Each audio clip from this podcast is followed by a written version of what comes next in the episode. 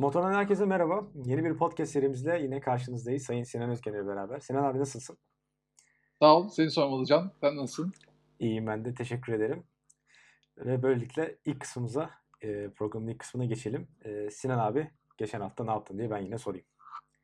Geçen hafta bayağı dolu dolu geçti. Ee, öncelikle e, son aldığım motosiklet olan CB1000R Honda motosiklete iki tane lastik almayı başardım. Ee, bunu geçen hafta anlatmış mıydım bilmiyorum ama e, iki lastik almayı başardım. E, Pirelli'de aradım. Pirelli'de bazı tutarsızlıklar oldu. Tutarsızlık şey anlamında. E, bir yerde yani her ikisi de aynı Pirelli'nin dükkanı olmasına rağmen bir yerde tarihi e, daha eski bir arka lastik var dediler. E, kendi ana şubesinde de daha yeni bir lastik var dediler. Peki ödeyeyim alayım dedim. Ondan sonra da bir geri dönüş olmadı. Dolayısıyla lastiği paramızla alamadık yani. İşin özeti bu. E, böyle lastikte e, aman geçen haftanın üretimi olsun diye bir takıntım yok. Yani o kadar da son üretim beklemiyorum. Çünkü gerçekten lastiğin şeye ulaş, ulaşması, buradaki satıcıya ulaşması çok uzun sürebiliyor. Ama böyle 2018 başları yani böyle 2 yıl önceki lastik nasıl saklanırsa saklansın özellikle e, daha sportif motosikletlere yönelik lastiklerin iyi saklansa dahi e, çok çabuk eskidiğini ben tecrübe ettim. Şöyle ki ilk işte bir ay iki ay çok güzel binerim. Sonra araya kış girer biraz durur. Bir dahaki ilkbahara şu anda bindiğim gibi olmuyor maalesef. O yüzden mümkün olduğunca e, yeni almaya çalışıyorum. En yeni bulabildiğim e, CB1000R'ın arka lastiği e, çok bulunan 180-55 ile 190-50'den biraz farklı. 190-55 biraz daha e, tok bir lastik. Hı hı. Daha önce de üzerinde Michelin takmışlardı. O da 255'ti ve motora e, hiç e, olmamış gibiydi yani. Çok büyük geliyordu şey olarak. Hem boyut olarak hem hissiyat olarak. Neyse onu 190-55 olarak Bridgestone S22 alarak e, Bristol'un kendisinden e, buradaki e, Bristol'dan e, hallettik. Onu değiştirdim birincisi. Honda CB'nin ön lastiği sökülmüşken bari bir de ön balatalara bakayım dedim. Ön balatalar böyle bitmeye yüz tutmuş. Üstelik de düzgün aşınmamışlar. Yani şöyle e, sağ ve sol aslında pistonlar eşit basması ve sağ ve solun eşit tükenmesi gerekirken bir taraf daha çok basmış herhalde daha az daha çok tükenmiş. Bir taraf tahminen daha az basmış ki daha az tükenmiş o taraf. Dolayısıyla e, bir düzensiz aşınma gördüm ve bir paniğe kapılarak hemen Honda'ya gittim tabii parçayı almaya. E, dediler ki 500 lira. E, o zaman dedim alıyorum ben bir takım 500 liraya daha, daha ne olacak falan. Dediler ki e, bir, tak, bir tarafınki 500 lira, iki tarafınki e, 1000 lira deyince aman dedim yani o kadar da yatırım yapmayalım. Tamam fren iyi güzel bir şey de bunun acaba alternatifi ne olabilir diye EBC'ye gittim. EBC'yi şimdi e, Limit Parts Official getiriyor. E, Limit Parts'ın kendisi getiriyor e, Volkan Işık grubundan. Hemen Vedat Bostancı'yı aradım. E, sağ olsun kendisi bu konuda bana e, yardımcı oldu. Hemen yeni gelen e, Aş Aş serisi biraz daha dayanıklı balatalardan bir takım ayarladı bana. Orada fiyat biraz daha ehven. E, yani bin lira kadar korkutucu değil. Daha e, spor motora göre uygun e, bir balata. Aşaş serisi daha dayanıklı. Organikten daha e, sert. Ama bununla beraber tam bir yarış balatası da değil. Yani sokakta kullanılabilir. Daha iyi tutan bir balata. Hı hı. E, Vedat'la konuştuk. E, şimdi bunun ömrünü biraz test edeceğiz. Bakalım bu da e, normal Honda balatası kadar hızlı tükeniyor mu onu göreceğiz. E, kendim değiştirdim. Güzel bir sistem yapmışlar. Hiç balataları bağlayan bir şey yok şeyin e, üzerinde, kaliperin üzerinde. E, üzerinden söktükten sonra tam ortaya getiriyorsun şeyi, e, pedi ve o, ortadan direkt çıkıyor. Sonra tekrar ortalayıp takıp yanlara ittiğin zaman kendini kilitliyor arkada. Güzel bir sistem yapmış evet. onda. Print, daha doğrusu Toki. Printer kartuşuna benzemiş biraz. Tam ortalayıp. Ee, evet, evet aynen öyle. Dolayısıyla bunları yaptım e, Honda için. E, fena olmadı. E, lastiklerden sonra özellikle hissiyat çok değişti. Fren daha çok yine biraz rodaj yapmak lazım biliyorsunuz bir 100-200 kilometre. Henüz o kadar kilometre sanırım olmadı e, fren performansı için. Zaten e, diğer e, MT-09'da e, son fren balatalarını değiştirdiğimde 30 bin küsura gelmişti. E, şunu anlıyoruz ki bundan e, çıkaracağımız özet şu. hafif motorlarda çok da fren kullanmıyorsanız biraz öngörülü gidiyor sürüyorsak yani diyelim ki ya çok ileride ışıklar kırmızıya döndü gazı bırakıyoruz. İşte e, çok fren yapılmayacak e, şeylerde öngörülerde sürüyoruz falan. O zaman fren balataları çok dayanıyor. Tabii şeyle de çok alakası var. E, motorun hafif e, güçlü de olsa hafif olmasıyla çok alakası var. E, kilo 10, 20, 30 kilo daha fazla olduğu anda e, hemen e, balatalar bitmeye yüz tutuyor. Ki bundan da 0.9'un 30 bin küsur giderken bunun 10 bin gitmesinden de biraz onu anlıyoruz. E, bu arada bazı geri dönüşler oldu bana fren balataları ile ilgili.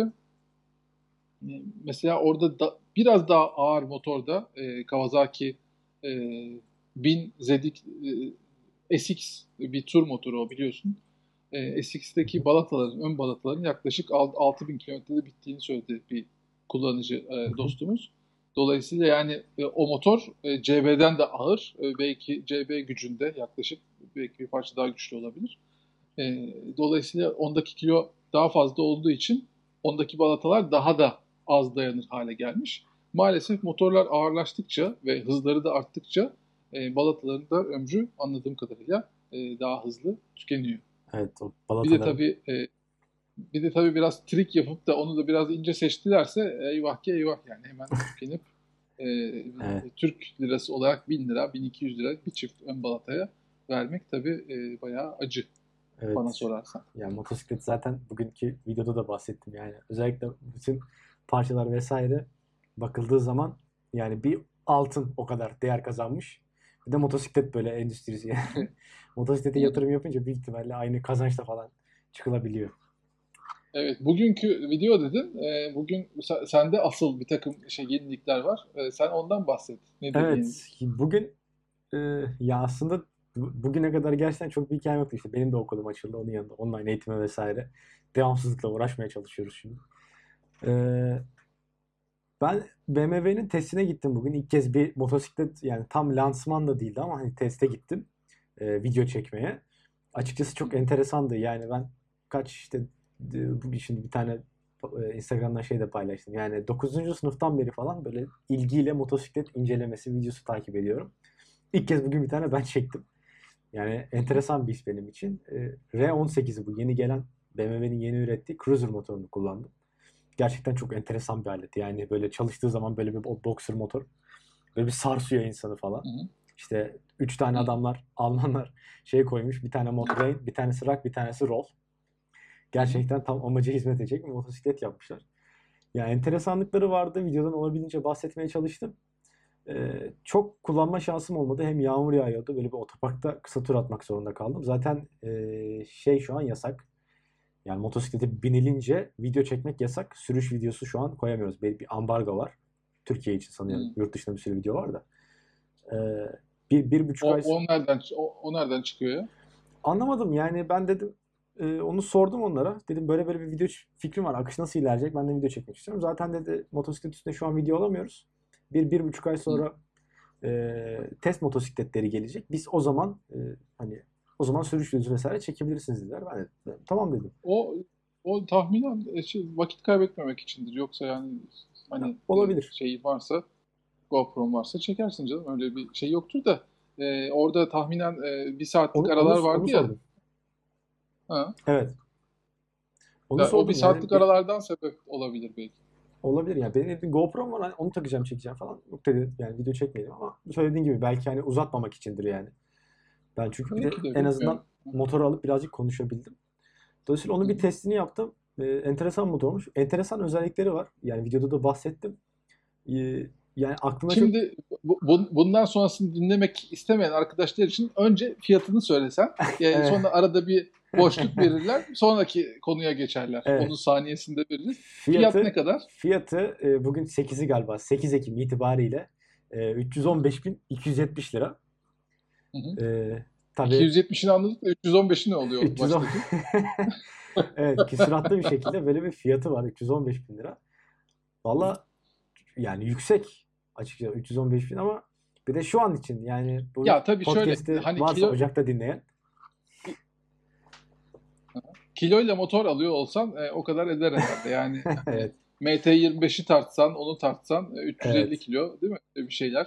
Tam E, olarak. pistonları herhalde gerçekten hani ta- bir tabir vardır ya kafam kadar. Evet, tam olarak pistonları herhalde kafan kadar vardır yani. Tam pistonun. olarak var. E, 900'lük pistonun bir tanesi.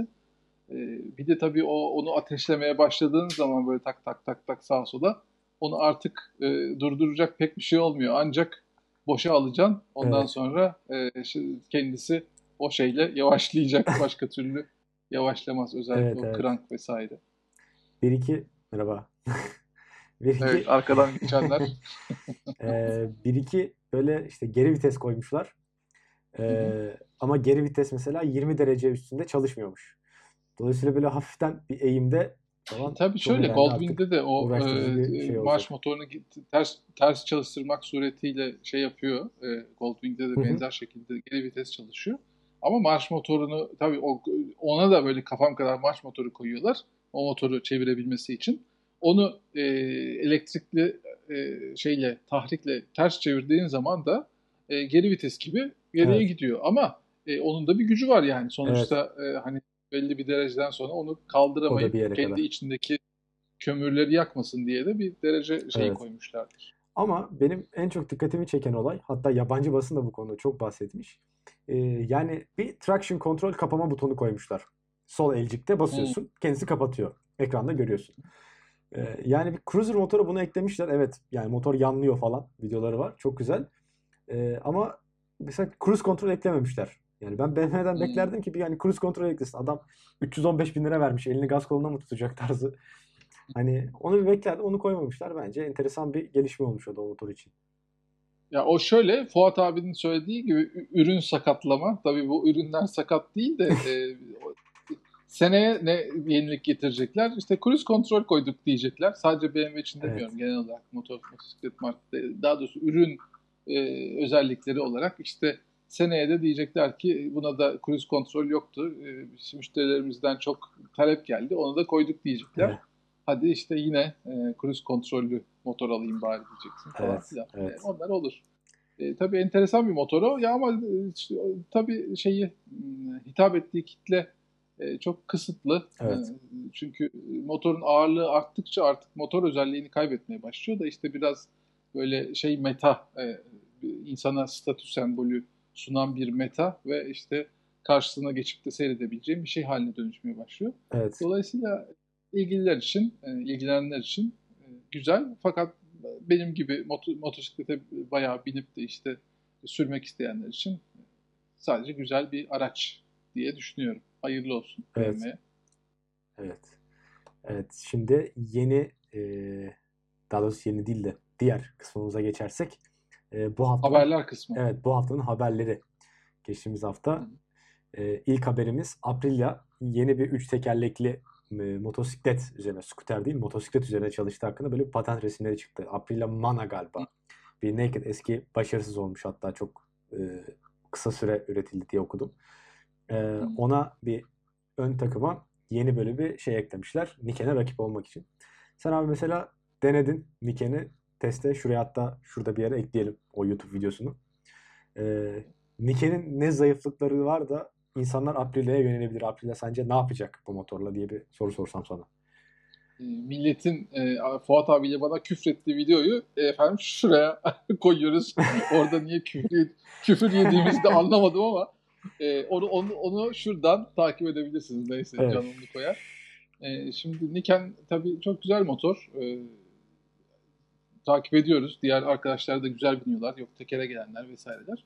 A- Aprilia'nın gayesi burada şu olabilir. E, sen Mana'nın e, başarısız olduğunu söyledin ama Mana epeyce bir süre dünyadaki tek e, otomatik vitesli motosiklet özelliğine sahip bir üründü. Ve ben birkaç tanesini bindim. Çok güzel motorlardı. Yani e, parçaları biraz pahalı, mekaniği biraz hassas. E, ondan sonra işte markası Aprilia diye çok fazla tercih etmeyen e, insan oldu. E, fakat sonra gördük ki aslında otomatik motosiklet çok tercih edilir bir şeymiş meğerse. E, Honda NC 750 e, daha doğrusu o önce 700 olarak çıkmıştı. Hı hı. X, S ve Integra biliyorsun e, aynı bazı e, kullanan otomatik e, motosikletler motosiklet opsiyonuyla da çıktılar. Integra'nın hariç Hı S ve X versiyonu. E, başlangıçta %12 satılırken ilk çıktığı yıl şu anda e, geçen sene e, gittiğimiz lansmanda söylemişlerdi %72'lerdeydi ve işin sonuna doğru otomatik e, NC'ler e, yaklaşık %100 tercih edilir hale gelecekti ki bu çok satılan bir motosiklet. Mana da bu anlamda belki zamanının çok öncesinde çıkmış e, V motora sahip 850'lik e, ve şeydeki gibi DCT'deki gibi böyle e, şey değil. E, nasıl söyleyeyim işte onu sonradan düzelttiler gerçi. Gazı bırakıyorsun virajda küt diye vites düşürüyor. Ondan sonra e, istediğin viteste duramıyorsun, manuele alıyorsun falan. O tür problemler yaratıyordu. Mana'da kayış aktarımlı sistem olduğu için istediğin noktada duruyordu. Bir de kayışın şeyleri vardı, ayar noktaları. E, CVT şanzıman gibi çalışan ama ondan çok daha iyi ayarlanmış bir şanzımana sahipti ve gayet güzeldi, gazlıyordu. Çok güçlü bir motordu. Ortadan kalkmasının sebebi tabii NC serisi yine. Çünkü İtalyanlar gayet mutlu mesut onu üretirken birdenbire NC'nin yani ucuz bir versiyonunun Evet. ve çok daha e, sağlıklı bir versiyonun çıkmasıyla bana ortadan kayboldu. Biraz da işte bu son e, Euro e, emisyonlarından geçemediğini düşünüyorum. Yani onun için yenilemediler. Ama sonuçta yapılmış güzel bir motor bloğu var ve onu e, tekrar kullanmaya karar vermiş olabilirler. Niken'e ne açıdan rakip olur? E, Niken'e çok rakiplik anlamında değil de işte bu piyasada biz de varız. Zaten bak şimdi bir şey hatırlatacağım sana. E, Piaggio'nun e, üç tekerleklisi var ya. Hı hı. Neydi onun MP, şeyi? MP3 galiba. MP3 değil. MP3 bravo. MP3 Ma- Multipurpose 3 Hı hı. e, platformu. Bu Yamaha Yamaha'nın yaptığı bu sene çıkarttığı e, Tri- Tricity 300 modelini bu adamlar e, yaklaşık Piaggio yaklaşık 10 yıl 20 yıl önce mi çıkarttı? Evet, 20 yani. yıldır onlar bu üç tekerlekli üretiyorlar ve e, ara otomobil ehliyetiyle kullanılan ülkelerde deli gibi satıyorlar. Ancak Yamaha bu sene çıkartıp da yetişebildi. Evet. Dolayısıyla aslında üç tekerlekli Piaggio'dan soruluyor ve o çıkarttıkları dönemde çok ilerici, e, şimdi bile hala öyle çok e, enteresan bir tasarımdı. Şeyi kilitliyor, düzeneyi kilitliyor durunca şey yapmıyor, devrilmiyor, mevrilmiyor. Bilmiyorum e, Aprilia'nın Niken'e olan rakibi kilitlenecek mi, nasıl davranacak ve ne yapacak ama onlar demişlerdir ki biz bu zaten te- teknolojiyi biliyoruz e, demiş olabilirler. E, elimizde motor var, e, üç tekerlekli teknolojisi var. İşte bir tane de biz yapalım demiş olabilirler diye düşünüyorum. Anladım. Bence Tamamdır. Bir böyle sonraki haberimiz bir sonraki haberimizde Triumph Trident bu e, CB650R ve MT7 rakibi olarak düşünülüyor ama yani Triumph'tan ya biz şu motoru kullanacağız tadında bir açıklama yok şu an. Ama yani zaten işte Street Triple, Speed Triple var. Büyük ihtimalle onun altına getirecekleri. Aynı zamanda A2'ye sunabilecekleri bir motor olarak hazırlıyorlar. Hı E, okudun mu abi haberleri hiç? Denk geldi mi nedir görüşün? E, oku- okudum okudum. Yani e, Triumph Trident, Trident Triumph'ın çok eski bir modeli. Evet. Onun ismini tekrar hani biraz e, parlatıp şey yapmak için e, kullanıyor olabilirler. Şöyle e, hangi motoru kullanacaklarını söylemiyor değiller. Tr- Trident 660 diyorlar e, direkt olarak. Yani 3 silindirli 660'lık motoru kullanacaklar. Bu motor bize gelmiyor şu anda. Street Triple olarak geliyor ama e, Street Triple'ın baz versiyonu S olarak kullanılan motor 765'lik değil 6 660'lık öyle bir e, şey var.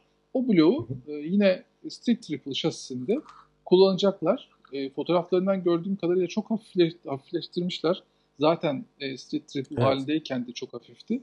Bütün kafasını falan sökmüşler. Daha gü- güzel küçük yuvarlak bir far koymuşlar. Küçük bir gösterge koymuşlar. Bütün bunlardan e, yola çıkarsak bu motorun kuru ağırlığı 160 kilolarda olabilir çok rahatlıkla. Ve 160 kilolar demek MT-07'den bile hafif bir e, motor olacak demektir. Buna güzel komponentler koyduğunuz zaman ön fren vesaire gibi bu zaten çok çekici hale gelir. Şasisi de e, mesela Honda'nın şasisi çok iyidir. C- e, CB650'de. Yamaha'dan daha iyi hissettirir tutuş olarak. Ama e, Honda'da Yamaha gibi gitmez. E, Yamaha'nın da motoru çok iyidir. Ama tutuş hissiyatı Hı hı. Honda gibi değildir. Bunda bence her ikisi de olacak. Yani 3 silindirin o çekiş e, ve performanslı sürüşü, e, hafiflik ve şasinin müthiş hissiyatı. Bütün bunlar birleştiğinde bir de fiyatı uygun olursa ki e, öyle gibi öyle olacak gibi görünüyor. Gerçi son fiyatlarda ne olacak bilmiyorum. E, çünkü pound biliyorsun 10 lirayı Evet. açtı. 11. 11'de 10 bugün. lira. 11 mi? Evet bugün 11 10 gördüm nokta- sabah. 10.1 mi 11 mi? Bu sabah bir 11 gördüm ama e, yani doğru mu değil mi bilmiyorum. Twitter'da Eyvah eyvah. önüme Neyse. geldi. Neyse yani sonuç olarak fiyat e, şeyini bir kenara koyduğumuz zaman Trident o şeyde pazarda çok güzel yer bulabilir. Bizde bile yani bir sürü insan onu tercih edebilir. Çok güzel motor çünkü. Trident'i Evet. ben çok beğendim. E, umarım Acaba e, fiyatla gelir. Yamaha'da e, yani şimdi bu şeyi de soruyor. Şey sorusunda çıkıyor. Şimdi Yamaha MT7'yi e, ufak bir güncelledi galiba bir ara. E, 2018'de. 2018'de. Evet. e, evet. e, şimdi artık CB650R çıktı. Daha böyle şık bir tasarımı var. İşte daha şasisi güzel vesaire. Şimdi Trident geliyor. Hani Hı MT25'e ve MT9'a yaptıkları o böyle hani daha dramatik bir değişikliği henüz yapmadı MT7'de. Acaba yapacaklar mı? Planları ne vesaire? Öyle. Şimdi M- MT7 2013'ün sonunda çıktı. MT9'la beraber. Yani 2013'ün son yılından 2018'e kadar 5 yıl 5 yaşına geldiler. 2017'de MT09 yenilendi. Yani makyajlandı daha doğrusu. 2018'de de MT07 makyajlandı. Dolayısıyla şu anda her iki modelde 7 yıllıklar. Dolayısıyla benim düşünceme göre e, normalde bu EICMA'da Kasım ayında yeni versiyonları bence tanıtılacaktı. EICMA Milano'daki fuar ertelendi ya da iptal edildi neyse. E, o olmayınca bence dijital olarak Yamaha'nın e, o iki modelde yenilikleri olacağını düşünüyorum. Ayrıca e, tabii bunlar biraz benim atlasyonum e, ama e, hiç motor gelmemesi de e, pandemiden çok bu modellerin yenilenmesiyle alakalıdır diye düşünüyorum. Çünkü Yamaha'da şu anda 07 ve 09 hiç bulunmuyor. Evet. Tamam üretimi yetişmiyor olabilir. Ee, belki Japonya'dan gelemiyordur pandemi sebebiyle. Ama modellerin yenilenecek olması da e, bence bir etki yapıyor burada. Ben yenileneceklerini düşünüyorum. Çünkü MT10, e, MT07 ve 09 e, diğer rakiplerine göre hem üzerlerindeki donanım hem de görsel olarak eskimeye başladılar. Yani Evet. Bir yenilik yapmaları gerektiğini düşünüyorum ben. Yani bunları Türkiye özelinde konuşmuyorum. Dünya genelinde Evet. böyle bir değişiklik olacağını düşünüyorum. Bence de. Ee, o zaman spor köşesine geçersek e, bu hafta bilmiyorum abi sen e, takip edebildin mi? Islak havada bir World Superbike yarışı izledik. Yani benim için çok enteresandı. Çünkü e, Can Öncü yani acayip bir performans gösterdi. 23 mü 21 mi ne başladı? Hı hı. Yir- 22 idi galiba e, ya da Ee, 21'di. Ondan e, üçüncülüğe kadar çıktı. Üçüncülüğe kadar geldi. 6 bitirdi. Ee, ertesi ertesi sefer de yine e, öyle bir performans gösterdi. Yani e, Bahattin podyuma çıktı. Hani böyle Türk sürücüler için oldukça aslında e, güzel bir hafta sonu geçiyordu. Evet çok ateşli bir hafta sonu diye düşünüyorum. Ben dediğim gibi bu şeylerle çok ilgilenmiyorum ama e, bu bizim çocuklar işte e, toprak olsun, ondan sonra can olsun, e, Bahattin olsun. E, açıkçası e, insanın dikkatini çeker hale getirdiler tekrar bizim için bu sporu. Sağ olsunlar inşallah e, şeyleri yerinde gider. Şan- şansları ve başarıları. Sadece şans değil tabii ki. Şans bir destek fikir olarak teknikleri de umarım iyi ve yerinde gider ki daha iyi yerlere gelirler. Ben açıkçası senin kadar ilgili değilim konuya ama dediğim gibi son yarışçıların performansları insanı yine de kendisine çekiyor. Yağmurda sürmek biraz da gözü karalıkla alakalı herhalde. Bilmiyorum orada gözü karalık söküyor mu sökmüyor mu ama e, de- demek ki tekniği de yağmurda daha iyi ki belki Can'ın daha önce bu konuda yaptığı şeyler vardır. E, çünkü onlar bir ara toprakta falan da sürüyorlardı yani cross şampiyonlarında vesaire. Belki onların bu e, diğer pilotları bilemiyorum ama onların bu farklı yerlerde sürüşleri kardeşiyle beraber bir avantaj getirmiş olabilir ıslakta diye düşünüyorum. Bahattin ise her zaman olduğu gibi e, sessiz ve derinden iyi gidiyor gibi gözüküyor bana. Evet. Bakalım ne olacak. Evet, kendilerine de buradan başarılar dileyelim tekrar ve sorular kısmına geçelim. Aslında buraya böyle yabancılar çok güzel böyle jingle falan ekliyorlar ama bunda çok uğraşmak lazım. Böyle bir sorular jingle evet. yap. Ee, Evet, sorular bu hafta şimdi soru bu gelmedi. kısımda evet bu hafta soru gelmedi. Dolayısıyla biz yine e, bir yerlerden sorular bulmak zorunda kaldık. E, yani yıllardır zaten sorular en büyük sorulardan bir tanesi genelde. Instagram'dan da ben biraz takip ediyorum yani. Sorular genelde sana geldiği için aman açmayayım bu bildirimi diye kenara bırakmaya evet. çalışmasın. O Ee, sorular bu podcast için mi geliyor yoksa teknik soru olarak mı geliyor onu ben Yok. tam e, yani zaten. Gelen soruların çoğunu ya ben bunu bilmiyorum falan ama işte Sinan çünkü açsam belki sen göremeyeceksin. Sonra o mesaj orada kalacak vesaire diye. O biraz onu hızlıca atıyorum ama baktı sonradan baktığım e, sorularda başlangıç motoruyla ilgili mesela bir soru gelmişti. X-Max olur mu? E, yani zaten klasik sorudur. Şuna başlayabilir miyim? Böyle çok daha cengaver arkadaşlar. Ya ben CB600 arar düşünüyorum başlangıç için falan diye böyle daha bir gaza gelip Öyle soru bize vesaire. gelmiyor ya. O Ee, daha çok bugün, o, e, o daha abi. o daha çok forum o daha çok forum sorusu Evet, daha CB daha- CB CB'li Evet, 600 evet. başlayayım. Troll troll forum sorusu. Dolayısıyla Evet. yani bize öyle soru pek gelmiyor da e, X-Max ile başlayabilir miyim diye bir soru gelmişti. Ya bence her motorla başlanır. Her motordan kastım. Yani e, küçük hacimli her motorla başlanır. Bu küçük hacim nereye kadar küçük hacimdir? E, işte e, tek tek silindirli 500'lük, 600'lük motorlar ya da ne bileyim CB'nin 500 serisi vesaire de ilk motor olabilir. Ama yeter ki motora hakim olup olmadığınızı bilin. Yani şöyle ki mesela boyunuz uzundur, motora uyum sağlıyorsunuzdur, rahat yere basıyorsunuzdur.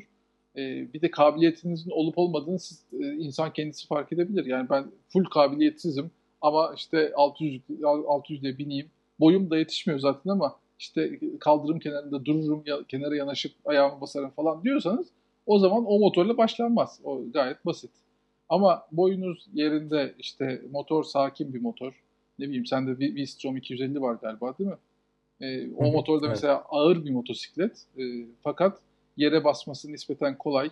İşte sana verdiği tepkiler e, gayet yerinde. Dolayısıyla onunla da başlanır mı? Başlanır ama motorun ağır olduğunu bileceksiniz. Eğer yere zor basıyorsanız motorun üzerine çıktığınızda vesaire ise ağır bir motosiklet sizin e, tehlike bir oranınızı iki kat arttıracaktır. Ya bu başlangıç motoru e, artık yani e, Evet. her yerde var bunun cevabı. Biraz insan kendini bilirse rahat şey yapabilir. Bence başlangıç motoru artık elektrikli olmalı. Yani yakın gelecekte ben çok umutluydum e, bu elektrikliler bir an önce gelir diye. Ama e, bu pandemi sebebiyle elektriklilerin çıkışı biraz gecikti. Bence e, mesela MT25 kullandım bir arkadaşımınkini, Burak Karacık. E, eşi için almıştı. E, ve başlangıç motoru için, olarak almışlardı. Hem e, eşi gayet rahat kullanıyor. Hem de e, motorun şeyi çok güzel. İnsanı kurtarması, işte size verdiği hissiyat, e, dostane yol tutuş vesaire. Çok gazlamazsanız ki yeni başlayan da çok gazlamıyor. Yani gazı ne kadar aşacağını kestiremiyor belki. E, ve o, o- bu durumda size kontrolsüz bir güç vermiyor MT25'in e, şeyi, karakteri. Dolayısıyla MT25 mesela güzel başlangıç motoru olur. Onlar e, sıfır aldılar 33 bin lirayken şimdi böyle 40 bin liraların Evet. üzerine doğru gelmeye başladı. Ve aldıkları zaman da Şubat'tı yani. Hani fuar sonrasıydı. Maalesef başlangıç motoru deyince bilemiyorum. Sakin bir şey olmalıdır başta. E, yere size sizi kendinizi rahat ettiren bir şey olmalıdır. Yani e, ergonomik olarak e, size yabancıysa o cihaz ve üzerine oturduğunuzda o motor başlangıç motoru olamaz. Öyle bir şey olmalıdır diye düşünüyorum. Bilmiyorum sen e, mesela V-Strom'a başka bir motordan mı geçtin? Yoksa direkt V-Strom'la mı başladın? Ve ben e, aslında NMAX'le başladım ama benim şimdi tabii biraz daha uzun. E, ben lisede falan da çok motor almak istiyordum. Babam ama inanılmaz karşı olduğu için ben aslında bisikletle başladım. Baktım iki tekere iki tekere hiçbir şekilde geçemiyorum. E, toplu taşımayı da kullanmayı sevmiyordum. Benim işte evim e, Altunzade Üsküdar çevresinde. Oradan e, Beşiktaş'a okula giderken bisikletle gidip gelmeye başladım. Sonra hı. üniversitede bir şekilde NMAX'e geçebildim. Şimdi Vestrom kullanıyorum ama hani düşününce ne iyi oldu. Ee, ya bir scooterle trafik tecrübesi yaşamam ben genç olduğum için bana çok katkı sağladığını düşünüyorum mesela. Yani Hı şimdi bana soran e, yaşı küçükler veya işte lise çağında artık 16 yaşında mı alınıyor ehliyet? A1. E, mesela, Galiba. mesela onlara söylediğim en büyük şey yani trafiğin aslında bence öğrenilmesi gerekli. Yani bu trafik kuralları kitapta yazdığı gibi asla işlemiyor çünkü Türkiye'de. Yani kimin nereden ne çıkabileceği vesaire. Bence dolayısıyla ben o yüzden skuterle başlamam daha iyiydi diyorum. Ama baktığım zaman Westron'dan sonra çok kolay kullanılan bir motor. Hani geçen bir inceleme yazdım Instagram'a. Altına yorum yapmışlar mesela. Evet benim de ilk motorum. Çok memnun kaldım. İşte severek sattım falan diye. Bir hanımefendi yazmıştı galiba. Dolayısıyla Westron'da kullanılabiliyor. Bence senin dediğin doğru yani kullanıcıya uyması gereken herhangi bir motor gerçekten başlangıç motoru olarak kullanılabiliyor. Evet, ondan sonraki bizim programımızda ne olabilir? İstanbul çevresinde motosiklet ile gidilmesi gereken yerler. Buna gereken demeyelim de motosiklet ile gidilebilecek yerler diyelim. Evet ben çok Ee, kısa bölüyorum. Ee, soruları Hı. beğenmeyenler lütfen soru gönderin ki daha orijinal orijinal şeyler sorabilelim. Yani ben oturup düşünüyorum ne soracağız diye çünkü. Ya bunu tabii zoraki yapmamıza gerek yok. Yani soru üretilebilir de e, çok uğraşırsak ama hani reel bir soru Tabii. olursa daha şey olur, e, rahat konuşulabilir üzerine. Motosikletle gidebilecek yerler işte İstanbul çevresinde e, bir ara hiç yoktu ya da e, gittiğiniz zaman İstanbul'un biraz dışına çıktığınızda yollar çok bozuktu. Şimdi neyse ki İstanbul Belediyesi epeyce bir süreden beri uğraşıyor çevreyle e, çevre yolları, köy yollarını birbirine bağlamak için. İşte e, herkesin bildiği Şile tarafı var, e, Darlık tarafı var. Oralarda yollar güzel. İneklere dikkat etmek kaydıyla oralarda e, sürüş yapılabilir. Ben biz mesela gittiğimiz zaman Şile yolunun üzerinde çok kalmamayı tercih ediyoruz. Çok araba ile bile çok hızlı bir yol. Herkesin farklı süratleri var ama o süratlerin çoğu çok yüksek süratler. Hafta sonları kalabalık oluyor. Dolayısıyla biz böyle köy yollarına çıkıp oralardan işte Darlık Marlık taraflarına gitmeyi tercih ediyoruz. E, sonra Gazcıların yolu dediğimiz e, yeni havalimanı yolu ve onun devamında Tayakadın vesaire gibi oradan da Çatalca'ya doğru giden bir takım yollar var. O yollar tabii e, gazcı arkadaşlarımız 300'de gidince çok çabuk tükeniyor. E, yani bir 5 dakikada geçiyorsunuz. Bu mu diyorsunuz? Halbuki arabayla gidince bayağı 40 dakika falan sürüyor. Evet. Evet. E, 300 için farklı bir şey tabii. E, oralara gidip geliyorlar. E, onun haricinde herkesin kendine göre uydurduğu bir yol vardır. Ka- işte şeyler var, kafeler var. Ka- kafe önü durakları, Cafe Racer e, şeyi. Belki kafelere gidilebilir bilmiyorum. E, Ducati Scrambler'ınız varsa hem araziye gidiyorlar onunla hem kafeye gidiyorsunuz. Önünde güzel duruyor. Hakikaten de güzel duruyor alet. Evet. Dolayısıyla benim mesela CB de çok güzel. Kafenin önüne geç. Oh seyredip Ama duruyor. evet o da yani zaten Neo Cafe O- Racer galiba diye geçiyor değil mi? E, evet. CB Neo Cafe çok abi. Ama onu onu onu yine değiştirecekler galiba. O Neo'luk olmadı sanırım. Şimdi onu ne- Neo Neo Cafe Racer yapacaklar diye düşünüyorum. Öyle bir durum var sanki.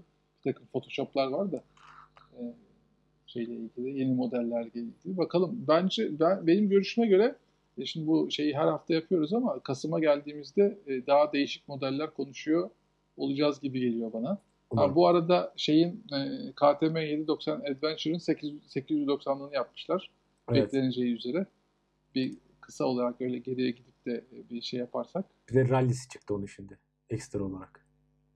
İşte 8, 890 cc'ye de büyümüş e, motor bloğu. Normalde onun motor bloğunda 890 cc'lik bir opsiyon yoktu. E, ama e, Dük'ün üzerindeki motor 890 olunca tabii Euro 5 sebebiyle onu daha rahat karşılamak için bunun da 890'lık olacağı tahmin ediliyordu. E, öyle bir durum var diye düşünüyorum. Evet. Evet. Bu e, sorulardan da bu kadardı. Şimdi hikayeler kısmına yine geliyoruz. E, bu haftada bu haftada derken yine bir hikayemiz yok. E, ben Sinan abiye soracağım. Sinan abi var mı böyle anlatmak istediğin ya bu da çok enteresan dediğin bir hikaye vesaire aklında varsa? Enteresan hikaye tabii toplamak e, için epeyce motora binmek lazım. E, enteresan hikayeler çokça bulmak mümkün ama bugünlük istersen Can bunu geçelim. Tamam. Hikaye kısmı. Ben şey yapamadım şimdi. O zaman bir sonraki bölümümüz bu haftanın tartışmaları. Bu hafta iki tane yine tartışmamız var. Bir tanesi pistte motosiklet kullanmanın sokaktaki motosiklet kullanmamıza etkisi. Ee, ne diyorsun Sinan abi? Sen zamanında yarışmış bir insan olarak bunun bir faydasını, artısını, eksisini gördün mü? Ne gibi etkileri var? Şimdi biz gençken ralliciler için söylerlerdi. Şimdi rally e, bayağı gözden düştü. E, rally ile pek ilgilenen de yok. E, bu rally e, sürücüleri işte sokağa çıktıkları zaman çok e, şey sakin sürüyorlar biliyor musun diye bir şey vardı. Söylenen bir laf vardı. Dolayısıyla rally sürücüleri e, evet gerçekten e, pistten sonra ya da rallilerde o şeylerde parkurlarda öyle sürdükten sonra şeyde e, yolda gerçekten sakin sürmeleri no, doğal. Aynı şekilde pistte motosiklet sürdükten sonra da e, yolda çok e, hız yapası gelmiyor insanın. Daha sakin sürmek ama ne gerek var şimdi şeyi o, oluşuyor. En azından bendeki etkisi o. Dolayısıyla e, sokaktaki etkisi daha sakin sürmek. Pistte motor sürmenin e, sonucu. E, sokaktaki etkisini soracak olursan o şekilde gerçekleşiyor. İkinci tartışma e, enduro motosikletler ve GS sadece hantallar mı yoksa gerekliler mi? Valla e, bunu bu senin fikrin herhalde ama hantallık ya, diye bir şey. bu aslında benim fikrimden ziyade bu hani genelde tartışma konusu vardır ya yani e, hani şehir içerisinde enduro kullanmak ne kadar gerekli ne kadar değil. Naked motor hani biraz daha işte atik vesaire e, denildiği için hani ben böyle bir tartışma konusu olarak yazdım. E, yani sence şehir içerisinde mesela enduro motor bir gereklilik midir yoksa e, şehir içerisinde biraz hantal mı kalıyorlar trafikte vesaire yani? Ya, ya şöyle şehir içerisinde e, eskiden tek motora düşmeye çalışırdık. E, daha doğrusu tek motor alacak bütçemiz vardı. Sonra yavaş yavaş insanlar fark ettiler ki biraz da e, o 2000'lerin sonrasında ekonominin e, düze çıkmasıyla, biraz da dünya ekonomisinin şey olmasıyla, zenginleşmesiyle Türkiye'de de durumlar değişti ve herkes e, bu enduro, çıplak veya süper sporların yerine birer scooter almaya başladılar. Çünkü herkes anladı ki aslında şehir içinde scooter kullanılır. Yani şey bu, e, düstur bu şekilde. E, bu, e, enduro motosikletler ve GS dediğin motorlar bugün hepsi 130 beygirin üstünde. Hiç hantal olmayan, hepsi hatta süper sporları düz yolda çok rahat geçebilen e, araçlar. Ben çok ağır olduklarını düşünmüyorum. Aksine o beygir ve o hacime göre bayağı güç, güçlü ve hafif araçlar. E, mesela bir Multistrada e, şeyi değiştirdi. Bütün o tutumları değiştirdi. Hatta Ducati'yi kurtardı evet. yani tek başına. E, oradan bakacak olursan e, biraz multi yani çok farklı yollar diyor ya adam. Hı hı. Nasıl kurtardı? Şehir içinde kullanılacak kadar küçük ve şey rahat kullanılıyor. Mod, mod düğmesiyle gücünü düşürüyorsun. İşte tabii Multistrada'nın 17 inç lastikli olan versiyonu çok araziye girmez ama hani orada da öldürmez. Birazcık işte toprakta gidersin eğer bir e, köyde kasabada şeyin varsa. Süspansiyonları rahat. Bir sürü e, pisti çıkarsın gider. İşte e, hızlı asfaltta deli gibi gider. 260-270 yapıyor motor. Evet. Bir de hafif yani öyle düşünecek olursan. Dolayısıyla bu e, hani bu perspektiften bak, bakılmadığında ya da insanlar bu perspektiften bakmazlarsa enduro motorlar eskiden ağırmış gibi idi ama artık ağır bir şey değiller. Mesela Tenere 700 e, inanılmaz bir motosiklet. Çok hafif e, 200 kilonun bir parçacık üstündeki 200 kilo bugün e, bu enduro motorlar düşünüldüğünde 200 kilolar akıl, akla bile gelmezdi. Onlar böyle dökme demir şasileriyle bayağı ağır aletler olurdu. Bu alet mesela çok hafif. Motor gücü desen 75 beygir ama öyle bir gidiyor ki o MT-07 Blue ile e, bayağı e, insanı geçersin yani. Tutuşu çok değişik, e, fikri güzel. E, keza Fuat abinin bindiği 790 Adventure geçen gün kullandım yine. Yani çıplak motora falan e, ihtiyaç bırakmayacak aletler bunlar. Bence o şey fikri eskide kaldı. Artık büyük olanlar, 1200'lük olan versiyonlara bence eskinin süper spor sürücüleri biniyor ve konforlu şekilde süper spor hızlarıyla gidiyorlar. ee, işte pek bütçesi uygun olmayan arkadaşlar işte Mondial'in RX3'leri var. Onlar da tam enduro değil, düz oturulan daha ucuz bir giriş motosikleti. Onun da yenisi gelmiş galiba. Bugün reklamını gördüm. Çok photoshoplu. Yan çantaları photoshopla yapıştırmışlar. RX 5, 5 mi? Valla ne olduğunu hatırlamıyorum. Hatta şuradan hemen bakayım. Ee, dinleyiciler atıyor demesinler. Onu kaydetmiştim. Sonra bakarken aslında benim motor da yani e-sportur render olarak hani Suzuki söylüyor ama oturuş pozisyonu çok böyle rahat dik. Ama mesela Vestrom 250 de kaç? Islak ağırlığı 198 yani neredeyse Tenere ile aynı mesela. Tabii yani düşünsene Tenere'nin ne kadar hafif olduğunu Evet. bu bağlamda. Öyle düşünürsen veya şey onu da o kadar söyledim hemen bulamadım. Dur bakayım. Heh, buldum. RX3 S Evo e, Mondial yan çantalar Photoshop'la e, konmuş. Motor aslında gitmiyor da e, çevresindeki yol gidiyor gibi Photoshop yapılmış.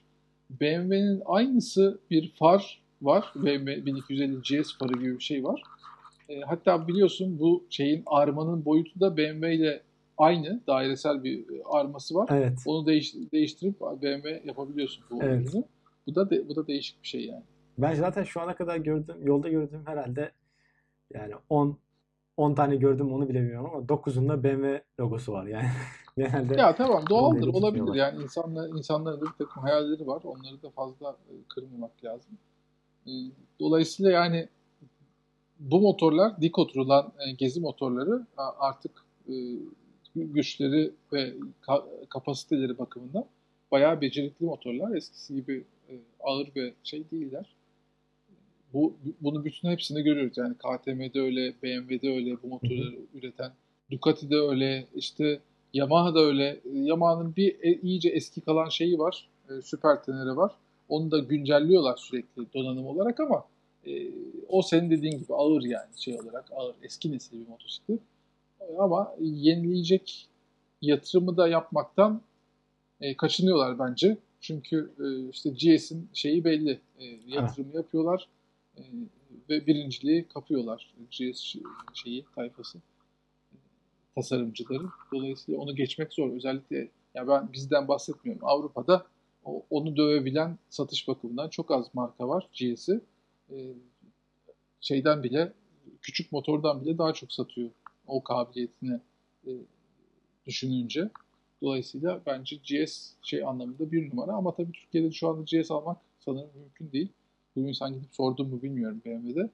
Yani çünkü böyle bir kuyruk Yok, var, sıra var sormadım. yani. Evet, bü- büyük bir kuyruk var. Ee, tahminen bu yıl zaten alamazsın. Ee, geçen gün duyduğum dedikodulardan bir tanesi e, bir e, müşteri başka müşteri, daha erken teslim alacak başka bir müşteriye 4000 dolar verip e, öne geçmiş şeyde sırada. Daha erken teslim almak için. Böyle bir duydum. Hayır, hayırlı olsun. Evet olabilir çünkü e, yani bir 300 bin liralık motora %10 daha fazla verip e, biraz daha erken almak 300 bin lira verebilen bir insan için bence normal bir şey. Bence derken yani ben e, bunu yaparım anlamında söylemiyorum ama 300 bin lira veriyorsanız %10 daha fazla verip öne geçmek isteyebilirsiniz. Eğer o Evet. motora gerçekten binmek istiyorsanız. Yani yeni motor almak çok gerçekten heyecanlı bir duygu. Onu Evet. biraz daha şey yapar. Evet. Ee, bu haftaki konularımız bu kadardı. Ee, Sinan abi var mı senin eklemek istediğin bir şey son olarak bölüme? Yağmurlar başladı. E, dolayısıyla belki sürüş keyfi bir kesintiye uğrar ama ondan sonra tam gaz devam. E, sohbete de devam ederiz. E, biraz da yeni motor şeylerini bekliyoruz dedikodularını. Çünkü e, EICMA vakti yaklaşıyor. EICMA döneminde özellikle Kasım ayının başlangıcına doğru bir sürü haberler çıkacak diye e, bekliyorum. Evet. E, bu haberlerde de yeni teknolojiler, yeni makyajlanmalar bizi heyecanlandıracak bir şeyler olabilir diye düşünüyorum. Evet. O zaman bugünlük de e, podcast'i kapatalım. Teşekkürler Sinan abi katıldığın için. Peki. Can Görüş- teşekkürler. E, Görüşmek üzere. Evet. görüşmek üzere diyorum. Hoşçakalın. Kendinize iyi bakın.